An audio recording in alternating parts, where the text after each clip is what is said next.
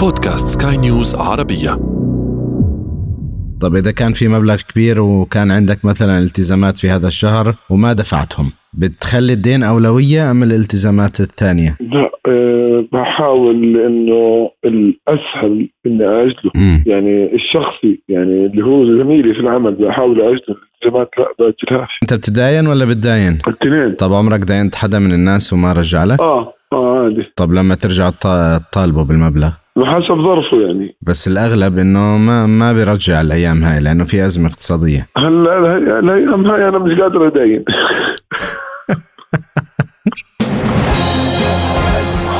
المحفظة. محمد يشكل له الدين عائقا عندما يحين موعد سداده وبشكل عام الدين مرهق فكريا وجسديا وماديا. ويكون عائقا في حال أراد الشخص أن يتقدم خطوة في حياته من الناحية الاقتصادية فلا خطوة لاستثمار ولا لاستقلال مادي بوجود الدين. حلقة جديدة من المحفظة تأتيكم عبر منصة بودكاست سكاي نيوز عربية على أبل جوجل سبوتيفاي أنغامي والعديد من المنصات الأخرى. في إعدادها وتقديمها أحمد الآغا ومن الإخراج الإذاعي غسان أبو مريم. قيل عن الدين أنه هم في النهار وأرق في الليل أي أنه يؤرق المدين والدائن فهذا يريد نقوده والآخر يريد أن يزيح الحمل عنه. والمقلق أكثر هذه الأيام أنه عندما تداين شخصا فعليك أن تضع في الحسبان أن المبلغ من الممكن الا يعود. ليس بسبب خلاف في الميعاد أو أمانة من استلف بل بسبب الوضع الاقتصادي الصعب الذي يمر به الأغلبية هذه الأيام. أحمد من الأشخاص الذين يلجؤون للدين في بعض الأحيان لترتيب التزاماتهم وسداد ما لا يمكن تأجيله والدين من الممكن أن يكون مرنا إذا كان من شخص لشخص. أنت بتداين كثير من أشخاص؟ آه بتداين كثير بتداين طب كيف بتلتزم بالسداد؟ شوف ال- الدين ثلاث أنواع بالنسبة لي. امم دين شخصي اللي هو أنا بداين من أي حدا. ودين قرض اللي هو أنا باخده عشان أشتري شغلة عن طريق البنك. مم. وهذا برضه دينتي كثير والدين الثالث هو الكريدت كارد ما هي دين. امم وحتى إذا بدك تزيد الدين الرابع اللي هو الأقساط. فأنت بتداين تمام إحنا بدنا نحكي بالدين الشق الأول اللي هو الشخصي من الأفراد. أه. بتداين أيام بتكون مضطر امم لأنه أنت بيكون عندك التزامات. يعني مثلا أنا عندي التزام تجاه المدرسة اني أدفع قسط المدرسة. واجى موعد القسط وبكون مستني ينزل لي مثلا من شغلي وتأخر للشهر اللي بعده. فبصير مكسور هون أنا بالماينس لازم أغطي التزاماتي لازم أغطي مصاريفي. وما معي. فبضطر اتدين بس الحمد لله دائما ملتزم بالسداد ما عمري تأخرت على حدا بدينته ما عمري آه، أخذت من حدا وما رجعت له أو خليت يعني كان مأركن إني أنا راح أسده بالشهر الفلاني وما سديته. لا بكون معه بالموعد.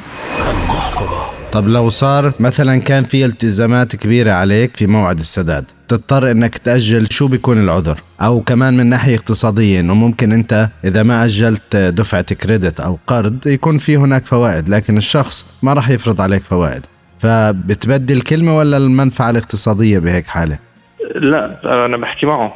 إذا وضعه بسمح إنه يتحملني شوي لقدام أوكي. إذا وضعه ما بتحمل لا دغري بسده وبدل من حدا ثاني ببساطة. يعني. طيب هو أسهل حل؟ أه بالعكس. الدين أه ب- زي ما بيقولوها بضيع مية الوجه أو تقال بشكل زي هيك. اللي بتدين منه بتصير أسيرة. فأنا بحب دائما لما من حدا داين من حدا أنا بدينه. واللي ما في بيننا يعني خلص انه ما عمره بحياته ما راح يجي مثلا حملني زميلي أو إنه والله أنا انكسرت له حدا بحبني بحبه بقرب لي. من أهلي وممكن يحتاجني زي ما أنا احتجته. بتداين من ناس كثير محدودين وصدقا هم بيكونوا بحاجتي أيام وأنا أيام بكون بحاجتهم. يوم أنا بدينه يوم هو بديني الدين آه، كسرة يعني. أنت بتكسر نفسك لما تتداين. فاهمني كيف؟ أنا ما بدي من أي حدا ولازم أكون ملتزم في سداد الدين. ومش إشي حلو بس أيام بتكون مضطر. لما بتكون أنت مش عارف توفر بحيث إنه لما تحتاج يكون في عندك مبلغ والله عند الحاجة. صار أيام لما تحسب الأمور بس بتلاقي في صار عندك هون ثغرة. بدك تسدها لازم. فبتضطر تتداين بس لازم دائما دائما لما بدك تداين تكون عارف إنه جايك فلوس تسد الدين. ما تتداين على وتسيبها هيك بتنسد لا ما في هيك. هذا هذا غلط. م. أنا ممكن أحرم حالي بس ما بتداين وأنا مش عارف متى راح أسد أو كيف راح أسد. عمره حدا داينته وما رجع لك الفلوس وخسرته؟ داينت حدا داينت كثير ناس وكلهم رجعوا. في واحد بس يعني بصراحة بمعطل داينته مرة مرتين بعدين ما عدت أرضى ادينه من اصل لأنه أنا يعني أنا الالتزام زي ما أنا بلتزم مع الناس أنا بدينك وبعطيك قد ما بدك بس التزم معي. بس ممكن الوضع الاقتصادي الآن هو الذي يحكم يعني ممكن إنه الشخص بيكون بده يسد الدين لكن فعليا لا يستطيع. صحيح بس هو لازم يحكي. لازم يقول لك أنت متفق معي مثلا بالتاريخ الفلاني. يجي التاريخ الفلاني بيقول لك يعني والله أنا مش قادر تقدر تصبر علي أو لا؟ ساعتها استناك ما عندي مشكلة بس أنت ما يطلع هاي الطريقة مش حلوة. هاي الطريقة استغلالية مش حلوة. ولكي لا تستغل أو تستغل ابتعد عن الدين. نهائيا أو إذا كنت تتعامل به وتريد أن تخرج من هذا المأزق. للاقتصاديين رأيهم والقواعد أيضا. الدكتورة هدى علاء الدين الكاتبة في الشأن الاقتصادي والمحاضرة في جامعة بيروت العربية ترى أن التخلص من الدين يبدأ بالتخلي عن أكثر الديون المرهقة والمكلفة. لطالما كانت الديون الشخصية آه، من أبرز التحديات يلي بتواجه الأفراد بمجتمعاتنا. لأنه إذا ما عرفنا كيف نتعامل معه وكيف نعمل على سدادها بالوقت المناسب فهي بتصير عبء إضافي علينا. بالاقتصاد في كتير من الاستراتيجيات يلي بتساعد بتخفيف العبء المالي للديون الشخصية. واحد حساب عبء الدين.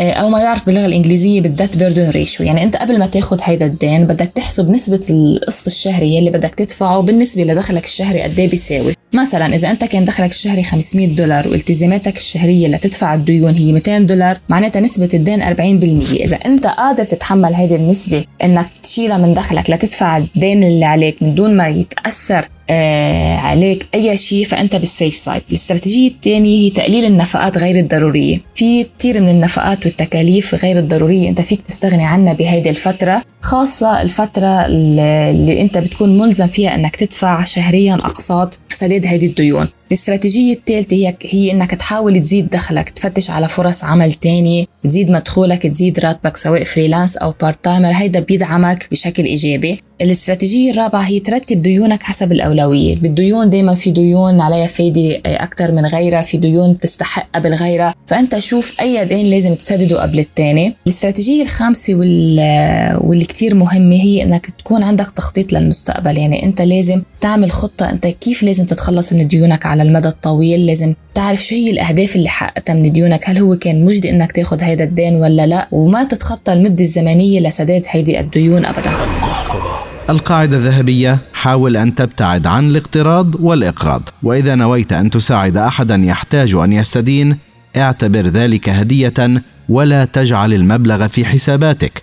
فأحيانا الوضع الاقتصادي هو الذي يحكم. إلى هنا وصلنا إلى ختام هذه الحلقة من المحفظة والتي أتتكم عبر منصة بودكاست سكاي نيوز عربية على أبل جوجل سبوتيفاي أنغامي والعديد من المنصات الأخرى. في إعدادها وتقديمها كنت معكم أحمد الآغا ومن الإخراج الإذاعي غسان أبو مريم. وفي النهاية أنت أدرى فقرارك بين يديك. إلى اللقاء. المحفظة.